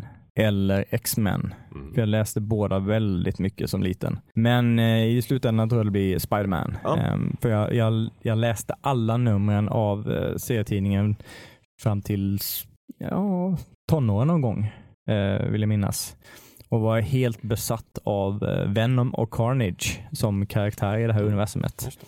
De tillkom ju lite senare, men eh, eh, det var också sånt, sånt tillfälle där jag insåg att jag inte läste eh, serietidning på casual nivå, utan jag har blivit lite mer av en besatt nördighet. Och eh, mycket på grund av eh, Venom och Carnage Mm. och de olika seriealbumen de eh, medverkade i, eller var huvudperson i också. Ehm, det, det var nog ganska formande för att göra mig till den übernörd jag är idag, Mm. skulle jag säga. Det är spännande. Det är intressant där just hur, hur du, både du och Kalle är ju 82 år Mm. och ni läste ju båda Spindelmannen och pratar båda om Venom och Carnis som liksom det finaste den serien har postat fram. Mm. Och för mig är det verkligen så bland det sämsta som finns i Spindelmannen-filmen. inte för att vara negativ på något sätt, men det är bara så jag fattar inte grejer med Venom. För det är då, verkligen, då skiljer det inte så mycket oss åt nej åldersmässigt. det är två år Ja. tror jag. Så att jag tror, men för Wow. mig är det verkligen så här, jag läste också Spindelmannen jättemycket och följde den och älskade den. Mm. Och så här, men, men just när Venom började komma i vartannat nummer, det var då jag tyckte att det började balla ur.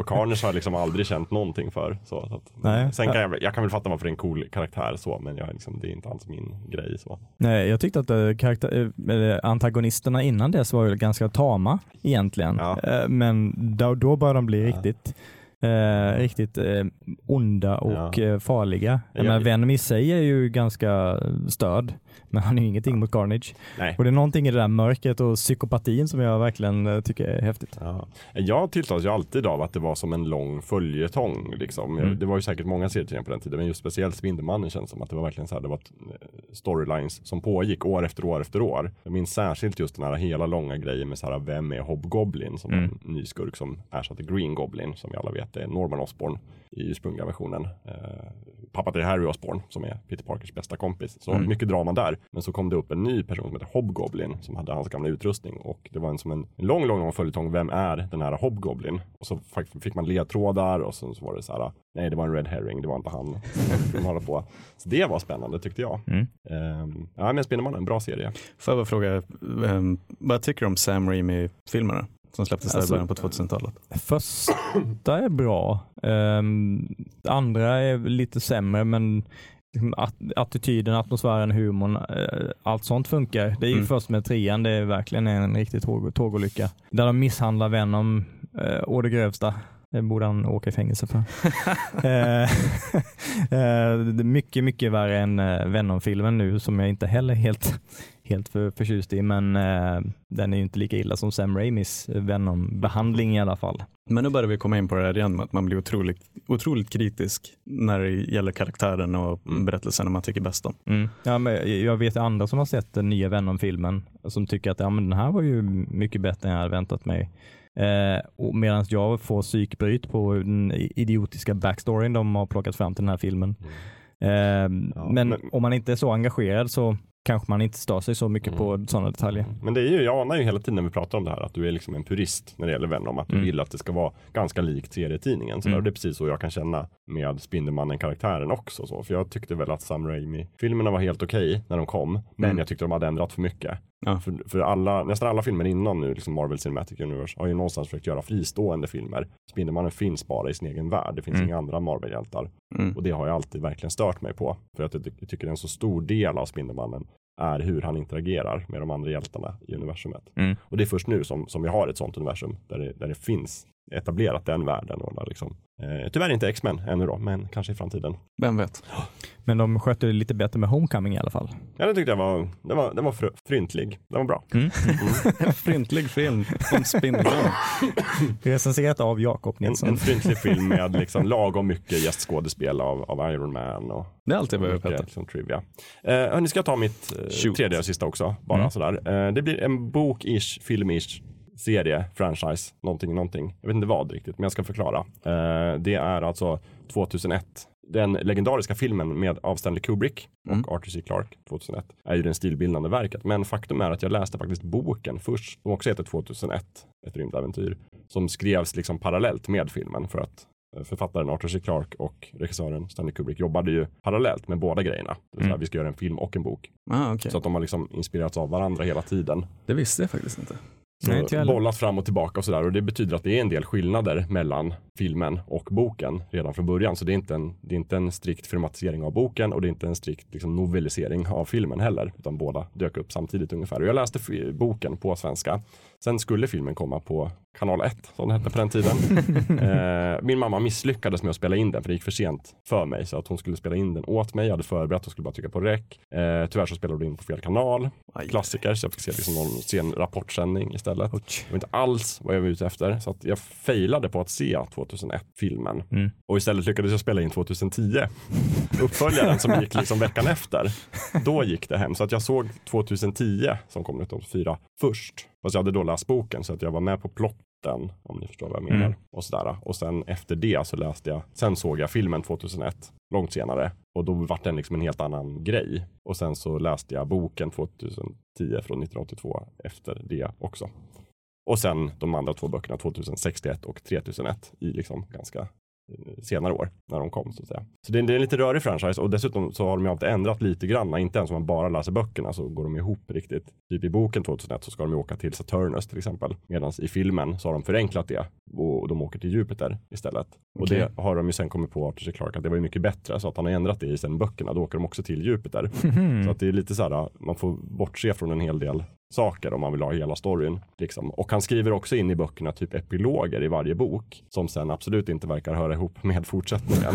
typ så här, I 2010 så finns det en epilog som utspelar sig 2001. Mm. Så här, långt, långt, långt in i framtiden. Och det verkar sen absolut inte ha hänt när han fortsätter skriva 2061. Och han har ju sagt att men allt är parallelluniversum någonstans där. Och det är bara så här, för att han har ju liksom mycket, böckerna har ju kommit till mycket av att, han, att vetenskapen går framåt och vi får så här, till exempel bättre bilder på Jupiter. Mm. Det var ju lite det som ledde honom till att skriva 2010. Så här, Okej, nu vet vi lite mer om hur det faktiskt ser ut där ute. Så nu ska jag skriva en uppföljare. Eh, och 2010 får ju väldigt mycket skit för att det är en uppföljare till liksom, en odödlig Stanley Kubrick-film. Mm. Mm. Och kanske med rätta, det är det ju. Det går inte att göra en uppföljare till en sånt liksom odödligt mästerverk. Men det är en jättebra science fiction-film från 80-talet. Som, så att jag ser ju det mera som en filmatisering av Arthur C. Clarkes bok, som är en uppföljare till hans bok, som har lite att göra med filmen 2001. Ja, okej. Mer än att det nödvändigtvis är en direkt uppföljare till 2001, fast det är det ju också såklart. Mm. Men Stanley Kubrick hade inget emot att de gjorde en uppföljare. Så den, det går inte att jämföra. Det är som att jämföra en, jag vet inte, Mona Lisa med en snygg graffitimålning. Liksom. Båda är snygga på sitt sätt, men det är två helt olika genrer egentligen, förutom att båda utspelar sig i rymden. Mm. Men var det här du, du, för du sa ju tidigare när jag snackade om Mass Effect att du ville prata om det här med att göra sci-fi på rätt sätt. Är det Ja, därför du tycker om den här franchisen? ja, faktiskt väldigt mycket så. Eller det har i alla fall varit väldigt formativt för hur jag, jag ser på science fiction. Eller så här, vilken hårdhetsgrad Mm. jag vill ha den i. Sådär. Det finns ju, man pratar ju om så här hard science fiction som ska vara väldigt så här vetenskapligt troget och det mesta ska vara möjligt och sådär. Och i alla fall böckerna här går ju väldigt mycket i det, åt det hållet, fast slänger in någonting som är lite svårförklarligt. Liksom. Men den är väldigt grundad i vetenskap i alla fall. Mm. Och det tycker jag gärna att, att eh, bra science fiction ska få vara. Men får jag slänga in en chansning då? Ja, Då gissar jag att du typ är ett stort fan av um, verk som Arrival från 2016. ja, Är det din typ av science ja fiction? men ja, det är fast Ja men den har, den, ja. Nej, jag tycker inte, Jag den, är li- inte jag tycker inte den är lika bra. Jag tycker den är en bra film. Mm. Men den är lite för flummig. Den har ändå så här, den struntar i mycket av det jag vill veta. Typ så här, ah, men hur flyger de här rymdskeppen egentligen? Hur funkar det här? Var kommer det ifrån? Den, den är inte alls intresserad av att svara på Ja, de okej. frågorna. Då kanske, den- kanske Gravity är mer din grej? Nej, Nej. för det är verkligen så här, så här funkar inte gravitation. Det är bara en popcornfilm. Ja, Det är verkligen, det är lös sci-fi. Det är verkligen så här, jag vill bara se Sandra Bullock i en liksom, eh, spännande resa ute i atmosfären. Och det är det ju. En fantastisk eh, film att se på 3D-bio. Mm. Men ingenting jag skulle vilja se igen. Liksom. Eh, däremot så tycker jag som sagt 2001 är jättebra för att den är fortfarande en av de, några av de bästa rymdscenerna. Och 2010 för att den har så här temat, just så här någonting konstigt händer ute vid djupet där vi skickar liksom ett, en, ett rymdskepp och det är hela den här liksom politiska spänningarna mellan Sovjetunionen då Mm. och eh, USA. Liksom så här, att det, det alltid kopplas till politiken på jorden. Och, och ja, den är bra helt enkelt. Sen är det ju grymma skådisar med också. Dana Elkar spelar ju liksom Sovjets rymdchef. Alltså Pete Thornton i MacGyver-serien. Ja. Chef över Phoenix Foundation. Han är med i början. Och lite sådär. Och eh, John Lithgow, gamla favoriten är med. Mm, just det. Spelar Den gamla astronaut. Så att, eh, jag tycker den får oförtjänt mycket skit för att den inte är 2001, vilket den inte försöker vara eller kan vara. Han är ju en sci-fi-veteran. Var med i eh, Tredje planeten från jorden också. Ja, ja, absolut. Men det här var innan dess. Ja, det var det. Eh, Man kan kalla det sci-fi, men ja. Mm. Ja, nej, men jag tror framförallt kanske egentligen att, att det är böckerna jag har läst och liksom läst om och sådär. Mm. För att jag har varit väldigt förtjust i Arthur C. Clarks sätt att skriva och sådär. Jag tycker han hittar en bra balans mellan att ha väldigt bra koll på vetenskapen och skriva om det och ändå göra karaktärer som inte bara är streckgubbar utan har lite, lite djup. Mm. Eh, Till skillnad från typ såhär, i- Isaac Asimov eller något sådär, som i- inte riktigt vet vad en människa är. Han kan bara skriva om sådana stora sci-fi koncept. Han är därför han är bra på robotar. Ja, jag tror det. Han kan bara skriva robotar. Men det görs inte mycket film av den sorten. Men det gör ju inte det och jag har ju en dröm om att man nu med liksom dagens teknik ska kunna filmatisera både 2061 som är ändå en hyfsat bok och 3001 som är liksom den stora finalen av Mm. den, här, den här serien. Men du, här ser väl inte jag de sista 15 minuterna av det här avsnittet att jag bara gissar, du vet slänger filmer på dig Mm. och hör vad du tycker. Ja, Men alltså, hur mycket fick du ut av typ Interstellar till exempel? ja men Interstellar tycker jag är jättebra. Mm. Den faller lite i slutet men den är, det är, en, det är en grym film. Vi Mm. borde göra mer sådana filmer. Ja. Mm. Och eh, Europa One kanske den heter. Som många tycker var en jättetråkig film men som Mm. jag tycker bara det där var en bra nivå Mm. av liksom Men det är väl lite det som är problemet, att den sortens eh, verklighetstrogna, långsamma, icke-spektakulära filmer inte går så bra så det görs inte mycket Nej, för att nej, det inte är kommersiellt framgångsrikt. Absolut, jag, jag tror också det. Interstellar var ju lite en stretch. Liksom. Mm. Eh, Ja. Det var ju bara för att det var Christopher Nolan som Ja. skulle göra den. Liksom. Och jag tror aldrig de skulle filmatisera en så liksom långsam bok som 2061 nu. För de skulle behöva visa aliensen. Mm. De skulle behöva mer actionscener och det skulle bli en fruktansvärt dålig film. Det är det som är lite tråkigt. Mm. Det går in, I princip går det inte att göra bra film längre. Eh, inte bra filmatisering i alla fall. Nej. Till, ja, men vi pratade om Sagan om ringen. Jag tyckte där också att de går lite för mycket i Hollywoods ärenden. Ja, fast Men, jag tycker eh, det funkar. Men, Ja, men det har vi mm. pratat om i två avsnitt. Ja. Ja, jag, jag är kinkig när det gäller mina sci-fi rullar faktiskt. Det är Ja. jag. Men eh, jag ser gärna om 2001 för den kan aldrig bli dålig. Nej. Gör du någon sån distinktion, alltså vad du tycker, du är mer för hård sci-fi än lite mer fantasy sci-fi Mm. alla Star Wars? Ja, ja, fast jag gillar ju, älskar, alltså, jag har inte heller tagit upp Star Wars på den här listan. Men den Nej. har också varit otroligt formativ. Och även alltså Firefly och sådär. Det är ju Mm. liksom ganska lös sci-fi, men det funkar ju ändå. Mm. Jag Men tycker Firefly är lite för om- ny för att vara formativ skulle jag säga. Ja, ja precis. Jag tog bara upp det som exempel Mm. på bra sci-fi. Och eh, nu tittar jag ju till exempel på tredje säsongen av The Expanse. Och Mm. tycker det här är också en bra nivå. Okej, Mm. så du är inte sån, du är inte bara en genre av sci-fi? Jag gillar mycket. Men det är ju alla vi tre är väl allätare när Ja. det kommer till mycket fulkulturellt. Oh ja. Så är det. Var det liksom det sista av de tre som jag bad dig välja ut? Jag tror fan Jag det. tror det Ja. också. Och då är det frågan, är det dags för ditt wildcard Gustav? Okej, vi kan avsluta med mitt wildcard. ja. Där kanske vi får respons på. Mitt wildcard är The Fast and the Furious från 2001. Mhm. Den första i Den första. 800 Fast and Furious. Exakt. Just det. Och det är ju en helt annan typ av film än de senare. Ja. Och det sjuka är att jag uppskattar, alltså speciellt från och med typ, de var ju riktigt dåliga där ett tag. Too- Fast, Too Furious, skitfilm på Mm. många sätt. Mm. Eh, Tokyo Drift, skitfilm På alla på sätt. många på alla sätt. Eh, fyran, rätt dassig. Femman, den när de är i Rio de Heter den Janeiro. Fast and the Fury, Furious? Det skulle den göra annars. Säkert. Nej, det är någon nej, som det- heter bara The Fast. Fast, eller- fast, sen and, kommer fast, Fast- and, Fast- fast and Furious tror jag den Och sen heter. kommer Fast and the Five just. Alltså det är, det är ett större mysterium hur de har titelsatt de där filmerna än Alien-franchisen. Mhm. Mm. Men eh, alltså för den första filmen, The Fast and Furious från 2001, Rob Cohen har gjort den. Mm. Som för övrigt också har gjort eh, Dragonheart. Minns ni den med Mm. Dennis Quaid och Ja. Sean Connery som, som draken? Mm. Också en sån här film som jag såg alldeles för ung och grät i drivor. Nej men The Fast and the Furious minns jag som en film, där jag, var helt övertygad när jag hade sett den. Jag såg den hos en kompis som heter Felix, den gick på, på tv liksom i bakgrunden. Och jag glömde helt bort var det var. Och tyckte att det här var den bästa filmen jag har sett by far. Ehm, och var så, så tagen av den filmen och jag tyckte att Vin Diesel var tokball. Mm. Eh, jag ville vara Paul Walker, Jordana Brewster som spelar den här syrran, um, snyggaste kvinnan någonsin. Väldigt snygg. Ehm, och det här är ju liksom 2001, jag kanske såg den 2002, 2003. Någonstans i mellanstadiet, lågstadiet. Typ. Jag var ung, ung, Mm. ung. Ehm, det var, alltså jag minns det så tydligt fortfarande att det kändes i hela kroppen att det här är den absolut bästa filmen jag någonsin har sett. Jag såg om den för eh, en månad sedan. Det märks att den är gjord 2001 Mm. och den är ganska Mm. liksom corny. Ehm, så den håller väl inte riktigt på samma sätt. Men där kände jag, på tal om det här att jag insåg väldigt tidigt att film är nog större än allt annat för mig. Mm. Ehm, det är det tydligaste exemplet i ung ålder jag har på en film som jag såg och jag ville bara se om den och se om den och se om den. Mm. Tyckte att den var helt... Den, den serien är en guilty ple- pleasure för mig. Jag vill egentligen inte gilla den för att den är så ytlig och corny. Mm. Fast ändå vi, gillar jag att titta på filmerna. Jag vet inte varför. Nej.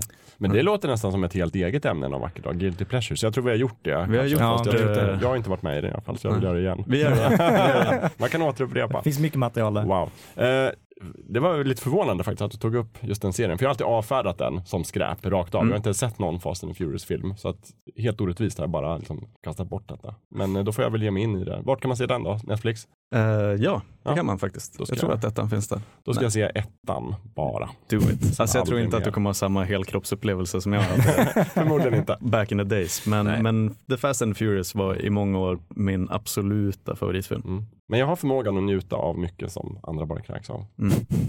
Också filmen som lärde mig att eh, slut behöver inte alltid vara att hjälten vinner och får liksom prinsessan. Det slutar med att de står Mm. där och delar nycklar med varandra och säger I owe you a 10 second car. Mm. Och så sticker Vin Diesel därifrån. Mm. Ja, nu ska vi inte gå in för mycket på den serien, men jag, kan- jag, det är någonting med den familjebandskänslan som finns i de Mm. filmerna. Liksom karaktärerna som man lär känna och den familjära känslan som finns mellan dem, som är tilltalande på något sätt. Ja, Jag vet inte exakt vad det är, men de har lyckats med någonting där. Mm. men det är mycket Vin Diesel tror jag. Ja, Han är ju fantastisk på många sätt. Mm. Och Fast and Furious gav ju mig hela hans eh, filmografi. Pitch Black, fantastisk film. Mm. Hela Riddick-grejen. Mm. Fantastiskt Chronicles spel också. Riddick är spel. Vad heter filmen? Riddick bara. Eh, första filmen heter Pitch Black. Det är när de är på och andra filmen heter? The Chronicles of Riddick. Just det, Mm. den Men tyckte jag var när, bra. när Judi Dench spelar någon typ av så här leviterande Ja, just det. magiker. Ja, fantastiskt. Ehm, Det, det är inte hård science fiction, men det är ändå bra. Mm. nej. Men också sen spelet Escape from Butcher Bay. Helt fantastiskt. Jättebra. Som du borde tycka om om du tycker om Thief. Kanske. Mm.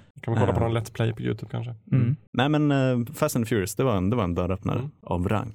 Jävlar vilken Härligt. På denna lite udda ton så tror jag vi måste avsluta. Jättekonstigt. Men Sug på förvånande. den. Men jag, köper det, personligt, jag köper det personligt. rakt av. Mm. Jag ska se den. Jag kanske inte hinner till nästa gång, men Nej. jag, jag återkommer i frågan. Mm. Ja. Härligt. Eh, vi har säkert jättemånga eh, fler tips vi skulle kunna ta upp, men Mm, vi ja. hinner inte. Klockan är ju Nej. tre, jag måste dra. Ja. Eh, vi hann med våra tre i alla fall. ja. Spännande. Jag tror att de som har lyssnat har fått lite bättre koll på oss och vilka vi har blivit och varför. Mm. Vilket var precis det vi ville med det här avsnittet. Mm. Och jag hoppas också att de som lyssnar har suttit nu och tänkt på vilka formativa verk de har. Och det tycker jag blir läxan till nästa gång. Ja. Hör gärna av er och era tre, tre formativa verk. Exakt. Böcker, spel, film, tv, eh, musiksagor, vad ni vill. Men kontakta oss på bra plattform. Mm. Instagram, Fulkulturpodden, Facebook, Fulkulturpodden. Eller bara skicka ett vykort som sagt till Kungsgatan Vi, 58. vi tar gärna sån. 111 Speciellt, 22, Stockholm. speciellt om någon av er har bröderna Karamazov på en lista. Mm. Jag vill veta om ni finns där ute. Absolut. Hörni, tack för att ni har lyssnat på Fulkultur denna afton, eller morgon eller förmiddag. Mm. Eh, vi ses igen om två veckor. Det gör Det vi. gör vi. Puss och kram. Puss och Puss kram. kram. Hej.